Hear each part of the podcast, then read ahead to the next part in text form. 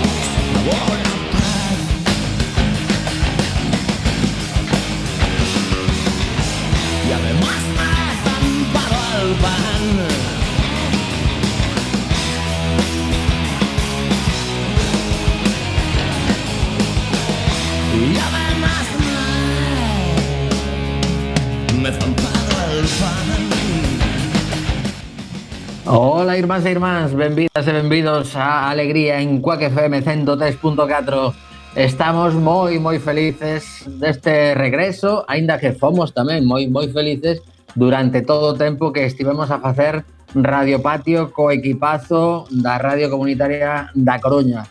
Temos a Mr. Bugalú, Mariano Fernández, nos mandos técnicos E se, se ten o micro enchufado tamén por aí. Hola Mariano, que tal? Hola, boa tarde, como estamos?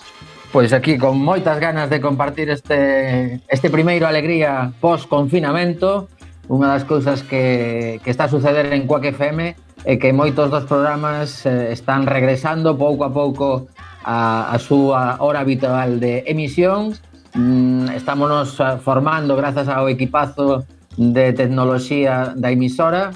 Mariano, contanos así basicamente para que a xente que nos está a escoitar eh, se faga unha idea de como se fai un programa dende casa conectado a unha radio de verdade de, de FM. bueno, versión, versión curta hai que ter un axuda bastante ter un, un hardware que, que permite o, o acceso a través de dunha aplicación informática, non? Uh eh, -huh. e, e logo ter eh, informáticos moi bons como ten Quack FM o seguinte logo, o, bueno a, a xente da coordinadora de tecnoloxía sobre todo Chema e Iverson deseñaron unha web que nos fallos técnicos bastante máis doado o proceso de conexión e desconexión e uh -huh. todo demais unha sala de videoconferencia e, e para adiante Vale, así que así basicamente temos por un lado un, unha páxina eh, que, que é a que dá, digamos, conexión dende as nosas casas a a emisora coa que FM, unha segunda coa que manexas a mesa de misturas, eh, podes subir e baixar as músicas, etc. E unha terceira na que estamos eh, ti máis eu, eh, o noso convidado de hoxe que se acaba de conectar tamén, Bea entrará por grabación, que hoxe non pode estar connosco, Bea Olalume, Lume, eh, basicamente con iso tiramos para adiante, non? Pois en esencia sí. Vale. Logo outro día se si nos cadra entrevistamos a, aos artistas da tecnoloxía para que entren en máis detalles. Eh, dicir que Mariano tenga a posibilidade de recibir WhatsApp, se si non me equivoco, Teño. Eh, tes por aí o móvil, non? Pois se alguén se conectou hoxe e eh, e ten gañas de compartir algún audio ou algunha mensaxe por escrito, o WhatsApp de Quack FM é 644 73 7303.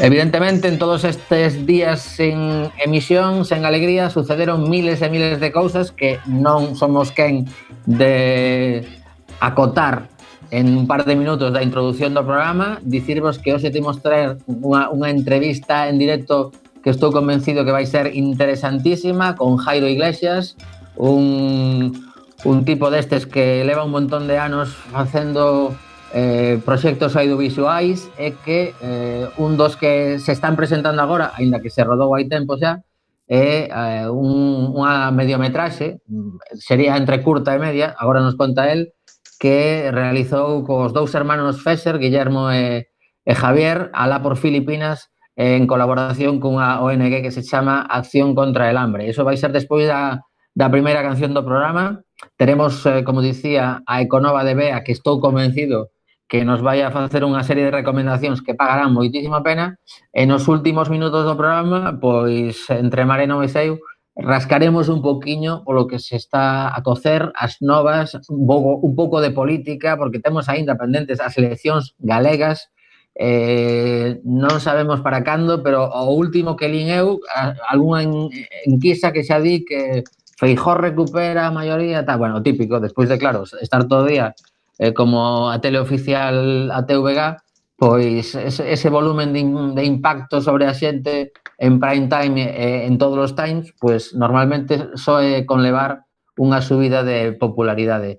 Eh, Mariano estivo por aí buscando algunha canción que de algún xeito resuma eh, musicalmente un dos momentos tristes do confinamento eh, foi o, o falecemento que incluso teño colegas que dicían ah, pero seguía vivo. Little Richard foi, nos Mariano. Pois sí, sí, un rebelde, non? un rebelde, pero dos de verdade. É o que ten, é o que, é o, é o que tiña, claro, morreu con 85 anos, só hai que calcular o que implicaba ser un rapaz negro gay en Georgia eh? en esa época que tiña que ser como Pabelo, non? Sí, sí. E ainda por riba gañarse a vida no espectáculo. Entón, eh, hoxe as músicas do programa van adicadas a, a Little Richard, ese home que dicía uh -huh. os rapaces brancos tiñan a Pat Boone en riba da cama e a min debaixo, non? Sí, sí. A verdade é que este home eh, eu teño unha biografía súa, eh, non a escribiu el, pero está autorizada, polo tanto considero que a maioría do que se conta aí será certo é absolutamente recomendable, menuda vida que levou, era, pois eso, eh, un, un xenio musical que influenciou a, bueno, os, os Beatles, por exemplo, sin ir máis lonxe, eran auténticos fans dele eh, e, cando o coñeceron, pois, facíanlle reverencias. Non nos imos enrollar máis nesta introdución, porque temos eh, esa, esa entrevista xa a piques, pero sí, eh, un par de minutiños con eh, o señor Pennyman van, van caer en alegría porque ben o merece. Así que, Mariano, cando queiras, imos bailar. Well, it's Saturday night and I just got paid. Fool about my money, don't try to save. My heart say go, go, have time I'm gonna rock it up. I'm gonna rip it. I'm gonna shake it. Gonna ball it. I'm gonna rock it up. And ball tonight. Got me a date and I won't be late. Pick her up in my 88.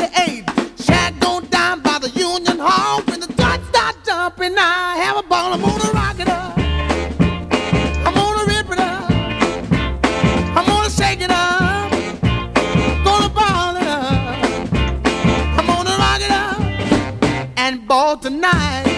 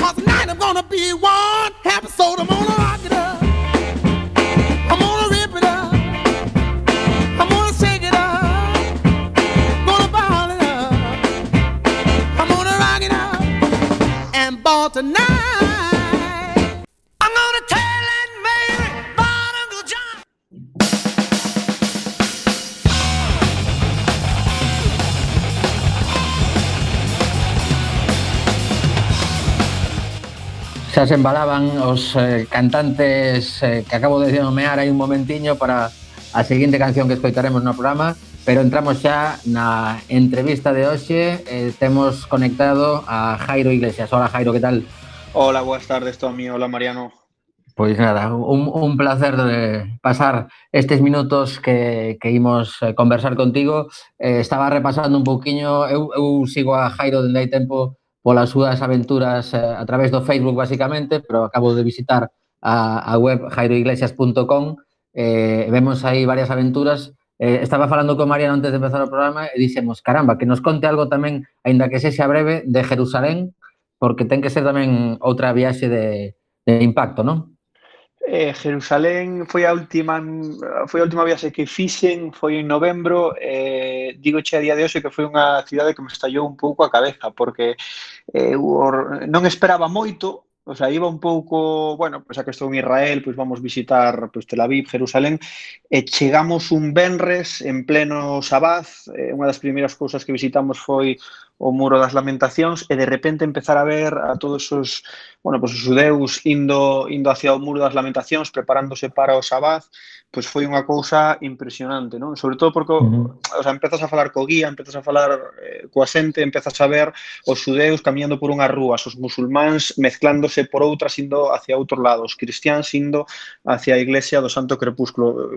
Creo, o sea, teño moitas ganas de volver e de feito creo que foi unha das cidades máis impresionantes que, que visitei, tanto a nivel de historia, sobre todo, como a nivel de, bueno, de, de mezcla, non? De mezcla que, que ves ali é un pouco de, de historia viva, non? Por decirlo de alguna forma.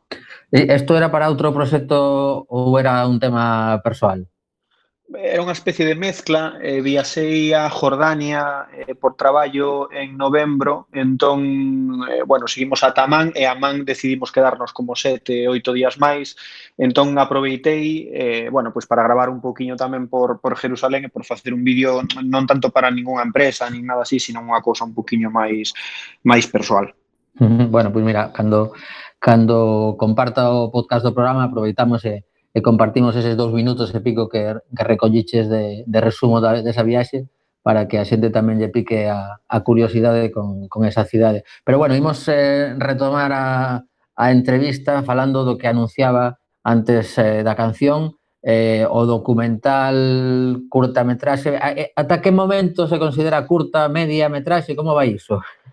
Pois eu penso que non está claro de todo. Sí que é certo que un pouco o obxectivo dos FESER era deixalo por debaixo de 30, porque sí que xa por enriba de 30 é un pouco máis complicado que o, bueno, pois que o seleccionen festivais de, de curtas, porque eu creo que está aí un pouco no limbo, non? Entre, uh -huh. bueno, entre mediometraxe, curtametraxe, Eh, bueno, si sí, eu penso que un pouco o límite está nos 30, ou polo menos os festivais Ajá. son o que suelen marcar.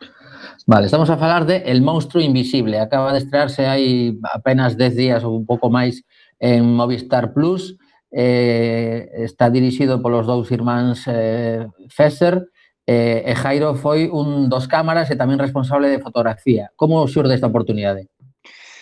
Pois mira, eh, é un amigo que me chama e me di, oye, mira, que coñezo a Feser, que están buscando están buscando algún cámara para ir a Filipinas con eles. Eh, eh os Feser e eh, Luis Manso, que é o seu produtor, xa fixeran dúas curtas anteriores, unha eh, Vinta e La Gran Idea, que estivo nominada nominada aos Oscars, e despois, anos despois, fixeron outra en, en Perú, e un pouco con ONGs tamén, entón querían rematar un pouco esa triloxía, neste caso pois, con acción contra en acción contra alambre, hambre, e eh, o seu cámara principal, que fora o que fixera creo que tamén a anterior, non podía ir porque lle surdiu un proxecto, entón o amigo este que os coñecía ensinoulle un pouco os vídeos de viaxe que eu estaba facendo Eh, bueno, pois nese momento gustáronlle e eh, quedamos en Madrid para cear. Recordo esa cena un pouco como, claro, imagínate, non os coñecía de nada, chegar a unha cena en Madrid con, aparte acababan de gañar o Goya, eu creo, ou non sei se o acaban de gañar cando cenei con eles ou estaban a piques de gañalo, dicir que foi que foi un ano uh -huh. tamén moi, moi bo para eles, non, con moita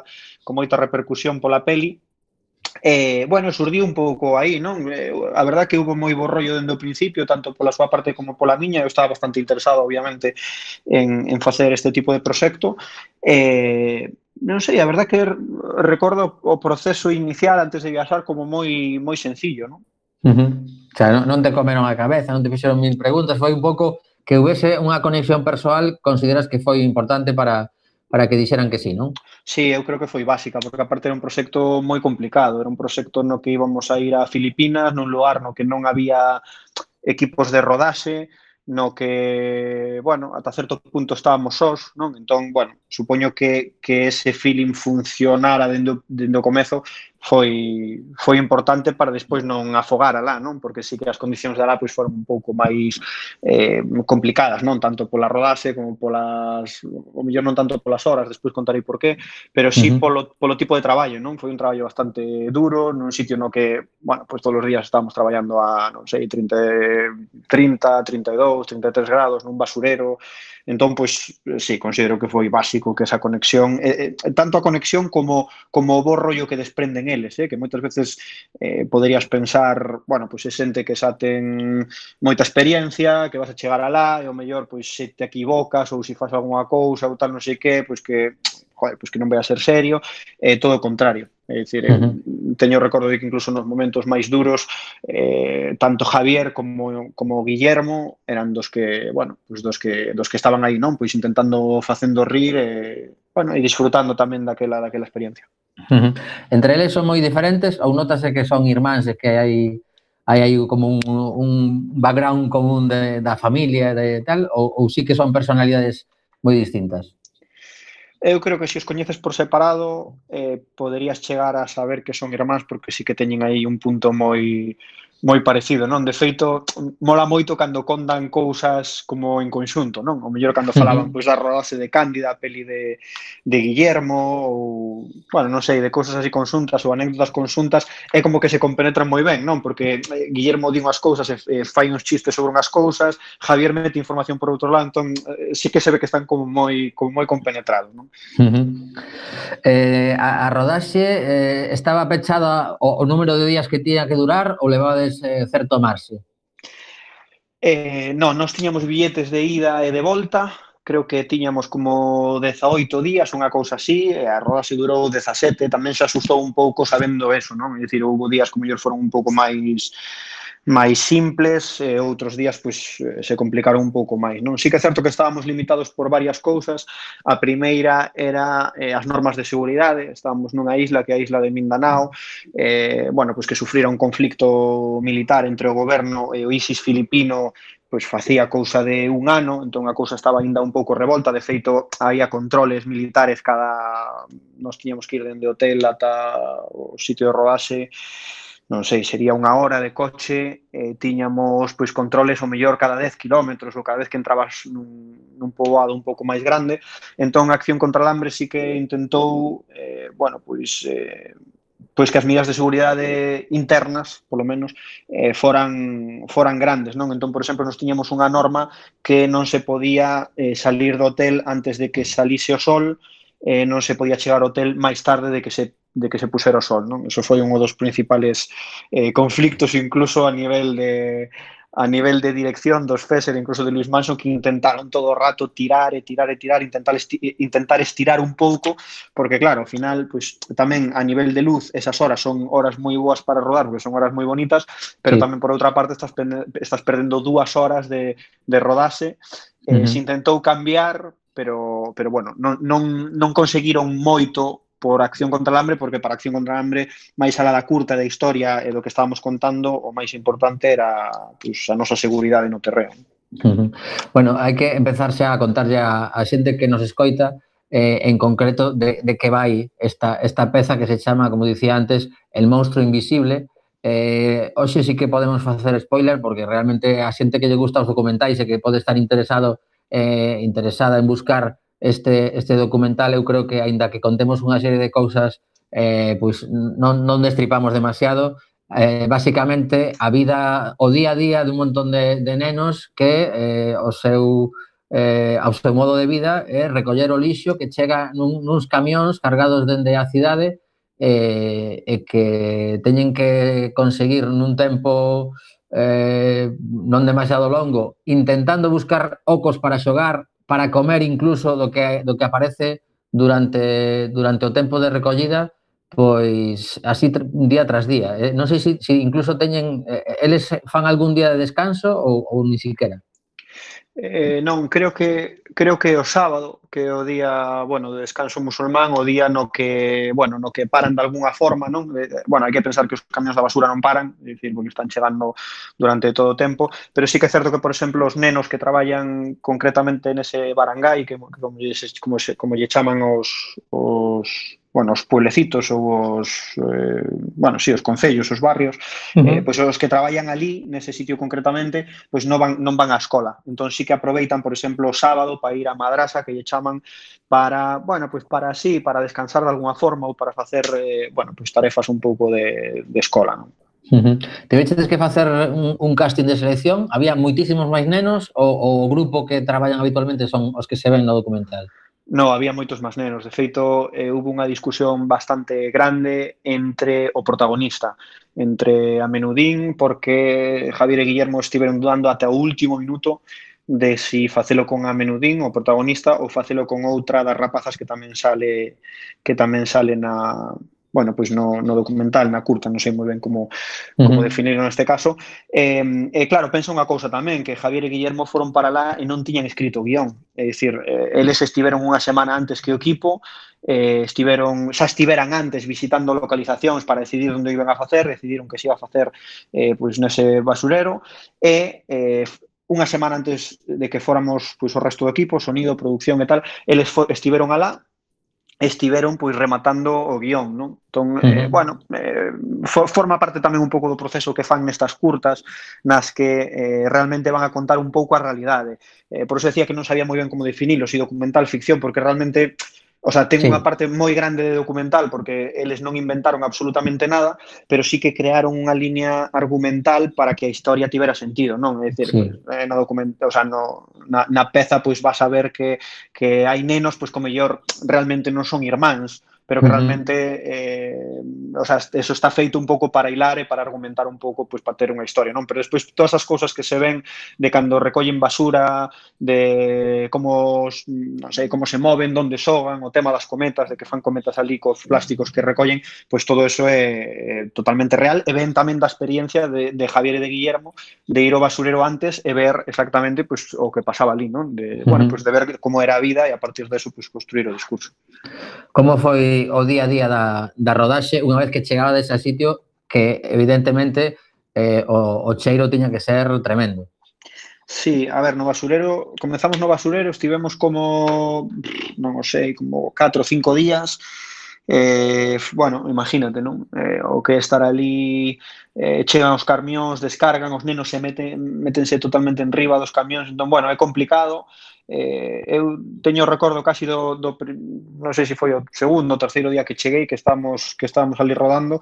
En bueno, nós concretamente tiñamos que utilizar eh, bálsamo de tigre na nariz un pouco para non oler todo eso, porque claro, pensa que ali está chegando un camión con toneladas de basura, entón no momento que eso se cae ali coas temperaturas que hai, como decía antes, pois 30, 32 grados, pois, pois claro, os olores ali son son terribles, non? Eu, o sea, eu estaba arcadas, é dicir, en moitos momentos do en moitos momentos da, pois, da grabación estabas arcadas, non? Eu de repente pois estás vendo que, que catro dos rapaces están repartindo un polo, sabes? Que, que, uh -huh. que atoparon ali ou alguén atopou unha Coca-Cola, unha botella destas eh, pechada, que está casi rematada, est, estaba vendo. Entón, claro, dache un pouco de eh, un pouco de cousa no sentido de que, bueno, pues, pff, bueno, pues que é complicado, non? Son imaxes que non estamos acostumbrados acostumados a ver. Como falábamos onte, tamén é certo que ao final eh, a mente se acostumbra de alguna forma e chega un punto no que no que disti, vale, este polo que se están repartindo é un polo que alguén cenou onte pola noite, que meteu nunha bolsa e que hoxe pola mañán está chegando aquí e están comendo, non? O sea, é duro, pero ata certo punto dis, bueno, pois isto non, non pasou por un, bueno, pois un proceso malo, non é que leve na bolsa oito días, non? Pero o máis complicado é cando vías que chegaban bolsas de hospitais, por exemplo, con jeringuillas, tal cual, eh, ou, bueno, pois cosas así un pouco máis de que dis, eh, uf, isto sí que, o sea, isto sí que é complicado porque, claro, ali os nenos están con chanclas ou descalzos, entón... Claro, é, é unha das cousas que, que ia a preguntar precisamente se de alguna forma tiñades cando víades Pois eh, to, todo ese proceso e como um, comen con naturalidade as cousas que atopan ou beben, diz, anda que como se nos poño o protagonista enfermo ou se nos corte ou calquera cousa, porque supoño que unha das cousas que, que ao mellor eles xa o teñen controladísimo, pero os cortes mm, manexando todo o día ese material, aparte sin ningún tipo de, de protección, se si, si non me fixei mal, pues, non levan nada, nin nas mans, nin casi nos pés, como dicías, Eh, eh, é moi doado que, que teñan cortes e, e outras cousas, ou non? Non, non, non, cero. De feito, xa che digo que, os, o sea, que estaban no basureiro co, como tivas a praia. É dicir, moitos pois, en bañador en chanclas. O sea, sin sí, camiseta, sí. sin nada, descargando os camións, etc. Eh, bueno, eu supoño que les están pois como moi acostumados a eso, non? De feito, eu penso que o seu sistema inmune mm, o sea, ten que ser gigante O sea, porque xa, sí, sí, eu, creo, eu, eu creo que se si voto ali 15 días, non sei, pero o sea, enfermos, enfermo seguro que volvo, porque a cantidade, xa che digo, de basura, de mezcla, porque non é que digas, bueno, basura, vale, están botando plásticos, vale, non pasa, non, non, o sea, é que iso, eh, o sea, é unha montaña de basura, de feito, bueno, si vedes a, a curta, o sea, hai un plano de dron que a mí me gusta moito, que vaise alonsando, alonsando, alonsando, alonsando, e se ve que, que, que non hai fin, o sea, que non hai sí, fin. Sí, da... é, é enorme, sí. Uh -huh. sí eh, eh, chega un momento no que eses rapaces cambian de profesión porque realmente eran todos moi pequeniños, teñen como, como unha idade bastante equ equilibrada, digamos. Non, non sei se si, si os seus irmáns maiores están facendo outras cousas, os seus pais e nais están facendo outras cousas, se hai unha distribución, non sei se te enteraches diso. Eh, a ver, depende un pouco. Eh, hai moitos dos en, en general toda a xente que vive ali, o sea, viven directamente no basurero. É dicir, as Ajá. casas están a, bueno, pois pues igual que vedes na curta, vos recomendo que que que avesades porque igual que ves que o basurero está eh, en un punto, as súas casas están non sei, a 30 metros, 40 metros, é dicir, están, realmente están ao lado. Entonces, eh, bueno, pois pues viven deso. Sí que é certo que, por exemplo, eh, Kawi, que foi o noso asuante dirección, que é o que fai de pai de Amenudín, un dos protagonistas, pois pues, el se dedica a se dedica a conducir un triciclo, igual que se ve na igual que se uh -huh, ve na, pe sí. na peli, pero por exemplo a súa filla traballa no basurero. Entón, en general, toda a xente que vive ali vive ou traballa do, do basurero, non? E claro, ata certo punto, porque estamos falando que ao final eles eh, no basurero que fan é eh, como reciclar, non? Eh, pois coller cartón, eh, coller plástico, coller latas, etc. Eh, por exemplo, para que te falas unha idea, eu creo recordar que máis ou menos os cálculos que votábamos eran 20 kilos de plástico, por exemplo, 20 kilos de, de cartón, un euro máis ou menos. E o Ajá. que se calculaba que ganaba un neno día ali era un euro. Entón, eles o fan é unha forma de axudar bueno, pois de axudar as súas familias, non? Tamén é certo que son familias eh, bueno, pois eh, familias que teñen un, un nivel de vida moi baixo, que teñen moitos fillos, eh, entón, bueno, pois que teñen tamén moitas moitas bocas que alimentar, entón, eh, bueno, é complicado. Nos eh, preguntábamos moitas veces tamén un pouco cal era a esperanza tamén, non? Pois para eses nenos, eh, realmente, claro, pois sin ir á escola, sin ter unha educación normal ata certo punto, eh, pois é moi complicado salir dai, non? Eh, eh, porque ao final acaban repetindo un pouco o proceso dos pais, non? Eh, claro. Están ali, eles ata certo punto están, bueno, non quero dicir a palabra cómodos porque parece que están tal, pero realmente eles están facendo algo que es, que saben facer e que, bueno, que controlan e eh, joder, ti estás vendo como descargan o camión eh, porque o camión cae, é dicir, o camión tira as bolsas de basura e son eles os que abren a, as bolsas e recollen cousas, etc. E realmente saben perfectamente o que teñen que facer e se ve que teñen moita experiencia de moitos de moitos camións, non? Entón, bueno, uh -huh. eh, falando un pouco coa xente de Acción contra o Hambre, é complicado un pouco que salgan dese, dese círculo. Precisamente unha das cousas eh, máis interesantes do, do documental eu creo que é pois esa, esa conexión que, que a xente pode extraer Ah, a, cando rasca un pouquiño do, do traballo que está a facer en concreto esta ONG ali, igual que hai outras moitas por todo o mundo repartidas facendo cousas fundamentais para que pese, pese a ese día a día eh, podería ser moitísimo peor se non estivesen pois eh, estas persoas coas que vos estiveches eh, colaborando. Que, que facía exactamente a Acción contra o Hambre ali? Eh, Mira, sen dúbida, eh, Acción contra o Hambre concretamente está facendo pois, moitas cousas, eh, moitas cousas en toda a isla, en toda a illa de, bueno, non só en Mindanao, pero concretamente onde fomos nós en Mindanao, e concretamente ali nese barangay pois, está dando un pouco soporte ás familias e un pouco tamén eh, controlando a, bueno, o crecemento, ¿no? o crecemento dos bebés, eh, bueno, porque sí que é certo, igual que se di documental, que aqueles bebés ou aqueles nenos que teñan deficiencias a hora de alimentarse, a hora de crecer, pois van a quedar con deficiencias pois para, bueno, pois para toda a vida, non? Entonces eles están apoiando eh pois facéndolle controles, vendo que estén crecendo ben os nenos. Eh teñe hai unha cousa curiosa que nos chamou a atención, que a Acción contra o Hambre eh bueno, non é que repita, non, pero pero bueno, que é unha cousa normal que é eh, dar de mamar os nenos, non? É dicir, que que as nais den de mamar os nenos, pero que a xente ali non quere dar de mamar os nenos porque din que é de pobres. Entón é como é, o sea, eles, o sea, a acción contra a hambre insiste moito niso, non? De de a ver, o sea, primeiro, non é de pobres, e segundo, tes que pensar no bebé, tes que pensar en ti, ti tes que estar forte, e o bebé ten que estar forte para bueno, non só para sobrevivir, sino para, bueno, pues para crecer e para bueno, é para, é para facerse fortes de alguna forma, non? Uh -huh. Entón, eu, eu en, en, e podo dicilo porque o saben eles perfectamente, é a primeira vez que eu traballei tamén cunha ONG, non coñecía moito pois o traballo das ONGs, non? Moitas veces tamén eu creo que dende aquí pois desconfías, non? Dijo, "Eh, pero todo, todos os cartos que se están dando ás ONGs, onde van, se estarán axudando, se perden polo camiño". Eu digo unha cousa, eu o primeiro día que cheguei eh, costoume dormir bastante despois de ver o que bueno, a mí a todos, eu creo, o que vimos ali no basurero, pero eu me marchei moi tranquilo dali, porque sabía que quedaba acción contra o hambre e, e sobre todo sabía tamén que coñecín a xente real que traballaba en acción contra o hambre que quedaba ali eh, velando un pouco polos bueno, non, non sei se si polos intereses, pero sí por bueno, por intentar darlle un futuro mellor ou, ou un apoio a, a toda esa xente que realmente, pois, pues, bueno, pois pues, está, o está pasando mal, non? Entón, uh -huh. eu marchei dali realmente creendo no creendo, pues, bueno, neste caso en acción contra o hambre e marchei moi tranquilo nese, nese sentido. Case un, un fío argumental da, da, desta ficción realista, como queramos chamarlle, é a importancia de sorrir, de, de que as persoas que sorríen son máis felices e transmiten algo que é como como unha enerxía extra.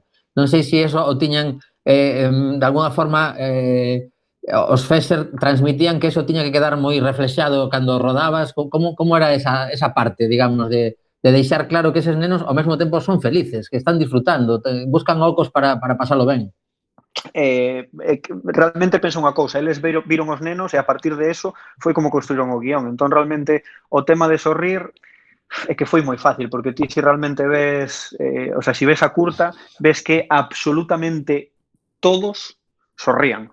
É dicir, non había que dicirle a ninguén, oye, sorríe máis, é dicir, dende Kawi ata Menudín, ata o resto dos nenos, eh, de feito, mira como era o rollo, que había un neno que era supostamente o que ten un monstro invisible, non? Pois que está pasando fame e tal, e, eh, eh, eh, os Fesser querían que chorara, e eh, eh, eh, eh, nos costaba moito facer que, bueno, facer que o neno chorar entre comillas, non? Eh, entón, pois, eh, non sei, foi, a verdad que eso foi foi moi fácil. Eu, xa che digo, cando marchei dali e eh, toda a experiencia ali, eh, joder, te chegabas ali pola mañán, encontrabas a todo o mundo sorrindo, a todo o mundo contento, a todo o mundo non sei, é outro, non sei se é outro espírito, outra actitud ou non sei moi ben como definilo, pero sí que é certo que eso que se transmite na curta de que de que, bueno, pois que a xente que sorri, que vive máis, pois que, que é certo é que ali realmente, pois bueno, de alguna forma se cumple, non?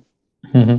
Algo que de alguna forma escoitamos eh, recurrentemente é que as, as persoas que menos teñen son normalmente son bastante felices porque de algún xeito eh, imaginan que a súa vida con, con iso eh, si, si non pasan moita fame que seguramente será un dos maiores problemas pois eh, a, a levan bastante ben e ademais que son moi generosas esta, estas persoas. Non sei se tamén incluso tiveches a oportunidade de, de notar esa generosidade eh, con vos.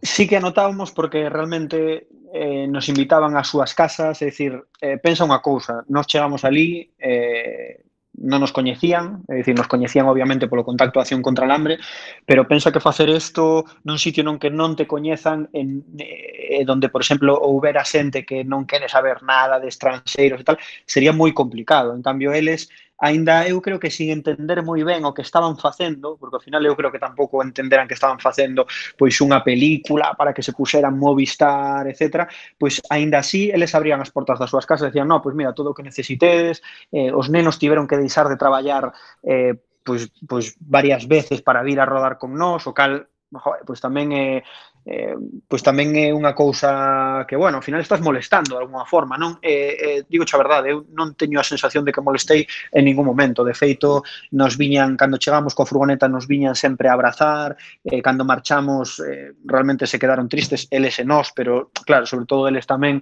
porque, bueno, fomos un pouco a novidade ali, non? Durante, durante varios claro. días, e tamén un pouco a, bueno, pois a cousa diferente, o sea, aprenderon palabras en español, se reían moito cando nos intentábamos eh, eh, bueno, pois facer eh, palabras tamén no seu idioma. Entón, bueno, non sei, se estableceu unha conexión eh, unha conexión bonita eh, eu digo xa verdade, vendo un pouco tamén todas as fotos de rodadas e as fotos que teño con, con eles, pois pois sí que notas que, bueno, pois que choderon todo, non? Que o mellor non tiñan moito, pero que aquilo que, que tiñan e que, e que che podían dar, pois, pois que, que estaba a túa disposición. Uh -huh. Temos un, un par de minutiños máis eh, ímonos aproveitar para, para dúas preguntas moi concretas. Unha, falabasme dunha nena que de alguna forma foi como, como un, un flechazo con ela, e que querías axudala en todo o posible, dixeron que, que o sistema non é axudar a unha persoa en concreto, pero de algún xeito sí que quedaches eh, con un certo vínculo. Por qué? Que, que pasou con esa? Que, que cal foi a conexión? Eh, Mira, realmente foi unha nena destas nenas que, bueno, que era unha pasada, non? Que sorría todo, todo... Pensa que eles tampouco falaban inglés, nin falaban español, obviamente. Entón, claro, a relación cos nenos era unha relación de gestos, unha relación de, de sorrisos e unha relación de palabras concretas, non?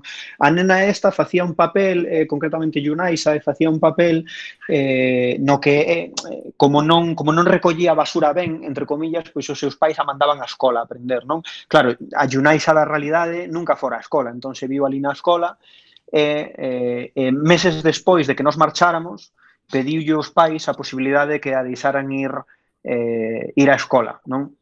Entón, eh, bueno, pois foi unha cousa bonita que deixou este, este documental, non? Que a nena descubriu a escola, pediu ir á escola, os pais lle deixaron e ahora mismo, eh, bueno, as últimas noticias que eu teño é que sigue sigue escolarizada e bueno, intentamos axudala, axudala de alguna forma pois eh, pois con material, non? Porque ao final pois cando van á escola pois necesitan libros, necesitan, ainda que sean cousas básicas e genéricas, pois sí que necesitan tal, non? Entón pois bueno, neste caso pois intentamos axudar un pouco uh -huh. un pouco concretamente a nese punto, non? Uh -huh. E a última, eh, non sei se tiveche desocasión con este sprint de que case remataba a Rodaxe tiña que voltar para organizar esa, esa festa de despedida de todo o rodaxe con xente que o mellor non ides voltar a ver nunca máis. Como, como contanos eses minutos finais, esa, esa pequena despedida, festa, como sexa?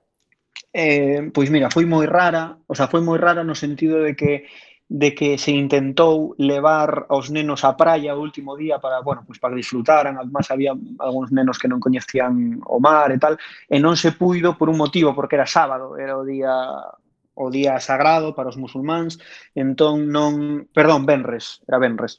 Entón non se, mm, bueno, pois non se non, non se pudo leválos, entón a despedida foi pois na última secuencia. Eu recordo de que estaban todos metidos nunha furgoneta, nos abrazamos todos, fixémonos moitas fotos, pero non hubo en sí unha, ah. unha despedida con eles como nos gustaría. Claro, Tamén te, tería, certa... tería sido un, un, un momentazo ver que descubrín claro. o mar, eh? a verdade que sí. Claro. Tam, tamén é certo que eh, en todo momento, dende Acción contra el Hambre, tamén eh, Fesser e Luís, o sea, Fesser e Luís, eh, todo o momento falaban de, non vos preocupedes porque vamos a intentar vir a proxectar a película, non? E sei que Ajá. andaban neso, é dicir, sei que andaban pendentes de, bueno, pues de intentar poder viaxar, claro, co tema da, da COVID, pois pues, complicado, pero sei que querían intentar ir alá con proxector e facer unha estrea para toda a xente do poblado, non? Eu creo que claro. ese sí que vai ser o momentazo, porque de feito temos imaxes de cando eh, a rapaza Matet, a rapaza de Acción contra o Hambre que traballa ali nese barangay, levoulle o ordenador e lle ensinaron pois trozos da película, pois claro, esas caras se flipa, sabes? Porque non... Uh -huh.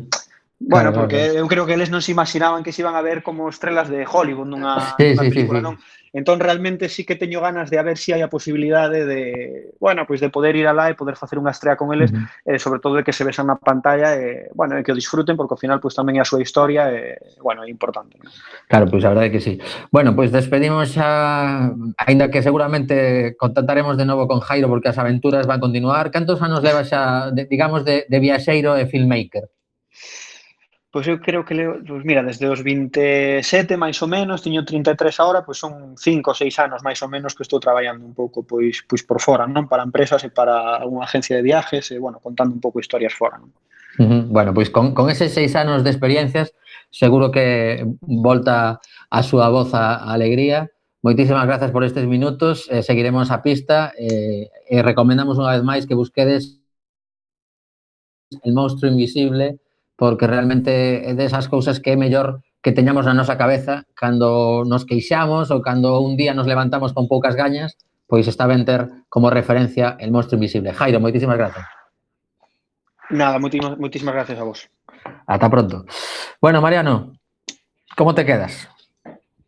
Bueno, impresionado, como sempre, con estas cousas. Eh, ás veces non nos decatamos dos, dos privilexiados que somos no primeiro mundo, non?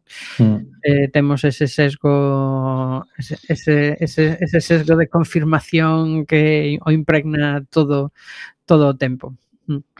Pois sí, de feito, unha, unha das cousas que me comentaba onte Jairo é que precisamente todo a, a equipo da, da rodaxe de alguna forma intentou botar unha banca da un no, na medida das súas posibilidades deixando, deixando algo para esa xente, para que tivesen unha vida un poquinho mellor, eh, precisamente que os irmáns Fesser estaban eh, aportando materiais ou cartos, non sei como exactamente, para que pudesen ducharse eh, que non, non tiñan auga corrente de ningún tipo para que pudesen ducharse despois de estar todo o día Mm, recollendo lixo, o sea que todos, os xeitos, todos os xeitos temos que ser conscientes de que todo isto son parches e que o xeito de arranxalo non vai por aí, non? O sea, eh, porque, claro, mentre sigamos cos mm, paraísos fiscais a todo trapo, repartindo a, a riqueza do planeta cada vez en menos mans se non haxa unha verdadeira xustiza, un verdadeiro equilibrio, habería que ver como son as nosas relacións comerciais con Filipinas, non? En uh -huh. que medida nós, sen sabelo, estamos contribuindo a esa situación e todas estas cousas. Claro, cando mercamos algo por un prezo moi barato, pois alguén seguramente está facendo un traballo por un prezo que non lle permite vivir mm, mm, decentemente, vamos a poner esa palabra. Claro, entón, eh, sí, bueno, é tremendamente loable, evidentemente, o traballo de, de todas estas persoas, pero seguramente non vai ser a solución. Como sempre, sempre eh, hai, hai moito moito traballo pendente, pero de algún xeito, bueno, pues, que, que estén un pouquiño mellor no seu se vale día a día. Para que nos, se vale para que nos concienciemos aquí tamén, pois moito mellor. Pois sí, bueno, pois eh, como tiñamos aí a segunda homenaxe a, a Little Richard, neste caso, ni máis ni menos que os Beatles, con, con esa canción que, que das mitiquísimas de, de Little Richard, escoitamos un par de minutiños a, a os Beatles cantando Lontal Sally e a continuación xa a Bea Ulalume coas recomendacións da Econova. Alaimos.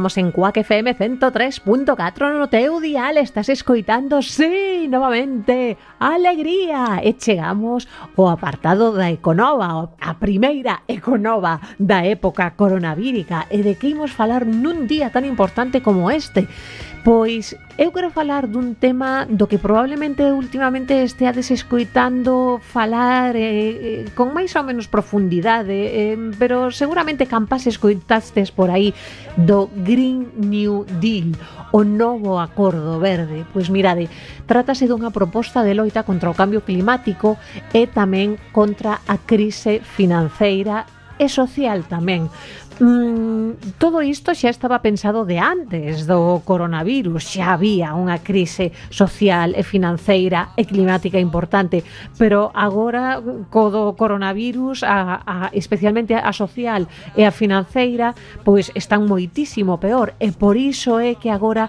se está escoitando falar moitísimo máis que antes mm, de, de propostas para facer cambios radicais a estos niveis, pois como por exemplo coa renda básica da que seguramente tamén escoitastes falar bastante nas últimas semanas. E o Green New Deal va por aí. O Green New Deal evidentemente fai referencia ao New Deal proposto polo presidente Roosevelt nos anos 30 para sair da Gran Depresión e que constituiu aquel New Deal eh, consistiu en programas de asistencia social e eh, axuda ao traballo, leis de reforma dos mercados financeiros, medidas de dinamización da economía, en fin, unha transformación importantísima tanto do goberno como da sociedade como da economía. Conto vos eh, agora un pouquiño de historia do actual, do Green New Deal, o novo Acordo Verde Mm, pois veredes, xa nas décadas dos anos 70 e dos anos 90 houbo activistas en Estados Unidos que propuxeron políticas económicas que non dependeran das enerxías renovables. En 2006, a rede de partidos ecoloxistas internacional, a Global Greens, xa presentara ao goberno estadounidense a súa primeira proposta de política do programa, o Green New Deal Task Force, ou sexa, o grupo de traballo do novo Acordo Verde. O documento este recollía un plan para conseguir enerxía 100% renovable para 2030 mediante taxas para o carbono, un sistema de garantías laborais, universidade gratis, sistema de saúde público e programas públicos de axuda e financiamento. O sea, bueno, era un plan impresionante, moi moi ambicioso.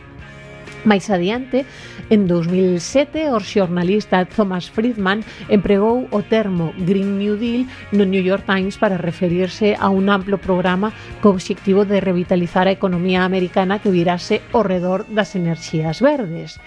Eh, esta idea eh, foi callando pouquiño a pouquiño, pois mm, no Reino Unido, máis tarde foi promovida polo programa da ONU para o medio ambiente, logo os verdes en Australia sacaron un Green Plan en 2009, en fin, pouquiño a pouquiño a onda foi medrando e chegando a todos os rincóns do mundo. En 2012, a Conferencia de Nacións Unidas sobre o Desenvolvemento Sostible analizou a posibilidade dun novo capitalismo verde ou ecocapitalismo que reinventara o sistema económico mundial. Eh, na COP25 que se acaba de celebrar en Madrid en decembro, a cume do clima, eh, volveuse poñer sobre a mesa a idea dunha economía compatible coa protección dos ecosistemas e eh, a loita contra o cambio climático. Isto foi en decembro de 2019, voltemos un pouquiño para atrás.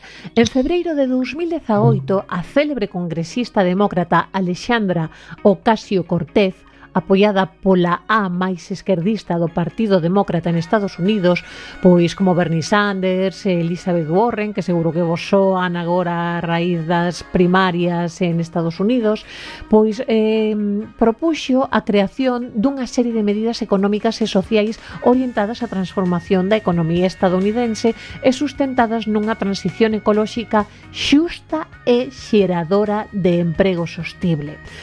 A partir deste punto é cando máis se empeza a espallar a idea do Green New Deal e cando máis esco eh, eh, escoitamos falar del. O obxectivo principal do Green New Deal en Estados Unidos é levar a cabo unha serie de accións propostas para combater o cambio climático e as desigualdades sociais, É por iso que a reducción das emisións, a renovación de infraestructuras contaminantes, a eficiencia enerxética e a xeración de empregos verdes son as prioridades deste programa. O Green New Deal ve o cambio climático como unha oportunidade para transformar a economía estadounidense a favor do medio ambiente e conseguir así reducir a brecha social actual propón destinar grandes investimentos dirixidos ao sector das renovables e a reducción das enerxías fósiles, tamén a economía circular nas empresas, reducindo así os recursos que se destinan á xestión e tratamento de residuos e a eficiencia enerxética, que é clave na loita contra a pobreza e o malgasto enerxético. Ademais, valora tamén destinar capital público en infraestructuras que axudarán a combater as futuras consecuencias do cambio climático, pois por exemplo, como barreiras para protexerse durante as subidas do nivel do mar provocadas polo quencemento global eh, tamén axudas para a reforestación e o mantemento e a limpeza dos ecosistemas actualmente destruídos pois polo exceso de pesca, plastificación dos océanos, as verteduras contaminantes, etc. O proxecto de Ocasio Cortés ten os seus detractores, evidentemente, pero foi a punta de lanza para teóricos económicos e sociólogos, así como para o activismo ecolóxico. Hai voces que din que este paso en realidade é necesario non só polo cambio climático, senón porque os combustibles fósiles esgótanse.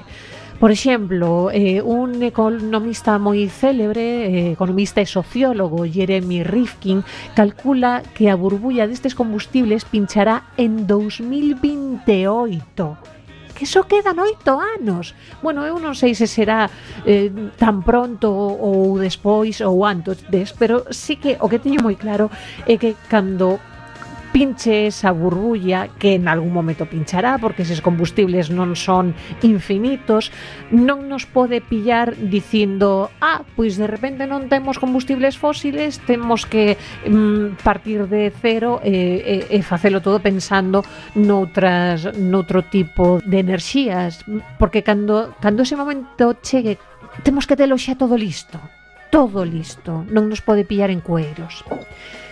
En Europa, en Europa como é o Green New Deal? Pois veredes, en 2007 xa naceron os primeiros brotes coa posta en marcha da Estrategia Enerxética da Unión Europea, o 2020-20, que pretendía reducir nun 20% as emisións de gases de efecto invernadoiro, nun 20% o consumo de enerxía e garantir que noutro 20% a enerxía provira de fontes renovables. Ese mesmo ano, en Reino Unido, naceu Green New Deal Group, un grupo de activistas ecoloxistas que publicaron un manifesto co mesmo nome que marcaban as pautas para iniciar unha transición cara a un novo sistema económico orientado a frear o cambio climático.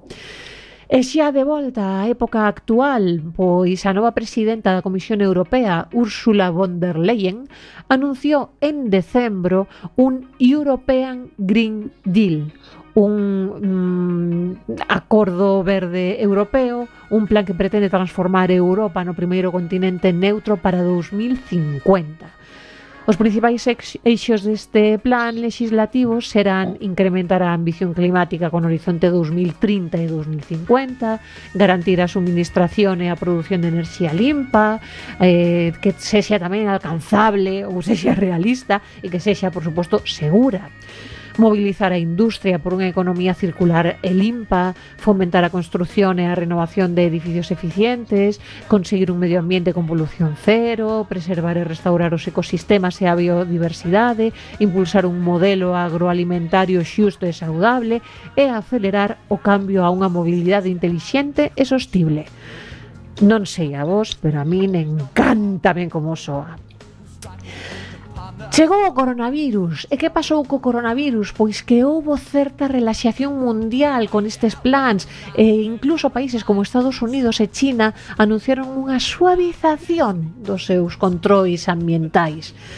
Esta foi unha das causas polas que na Unión Europea os ministros de Medio Ambiente e Cambio Climático de varios países, eh, España entre eles, afortunadamente, pediron que O contrario, pediron a primeiros de abril unha saída verde á crise económica derivada da pandemia. Advierten nun escrito dirixido á Comisión Europea da tentación de buscar solucións cortoplacistas baseadas nos combustibles fósiles que hipotequen durante décadas a economía da Unión Europea Os ministros estes abogan porque o European Green Deal proposto pola Comisión Europea antes de que a pandemia golpease o continente sexa o instrumento para sair deste problema económico e piden que aumenten os investimentos en mobilidade sostible, en enerxías renovables, eficiencia enerxética para reactivar a economía e xerar empregos. En Estados Unidos tamén saíron propostas de incluir o Green New Deal ou polo menos partes del no programa de recuperación de pandemias, en parte porque está demostrado que o cambio climático incrementa o risco precisamente deste tipo de epidemias. Así que, ben, queridos e queridas, ata aquí eh, agardo que vos quedara clarito, clarísimo que iso de Green New Deal e continuamos adelante con a alegría. E marchamos, marchamos xa directamente porque nos quedan 10 segundos de programa dicir que as 8 en punto estáse ben na radio, as 9 en punto spoiler e as 10 la juventud del Papa. Mariano, voltamos a vender a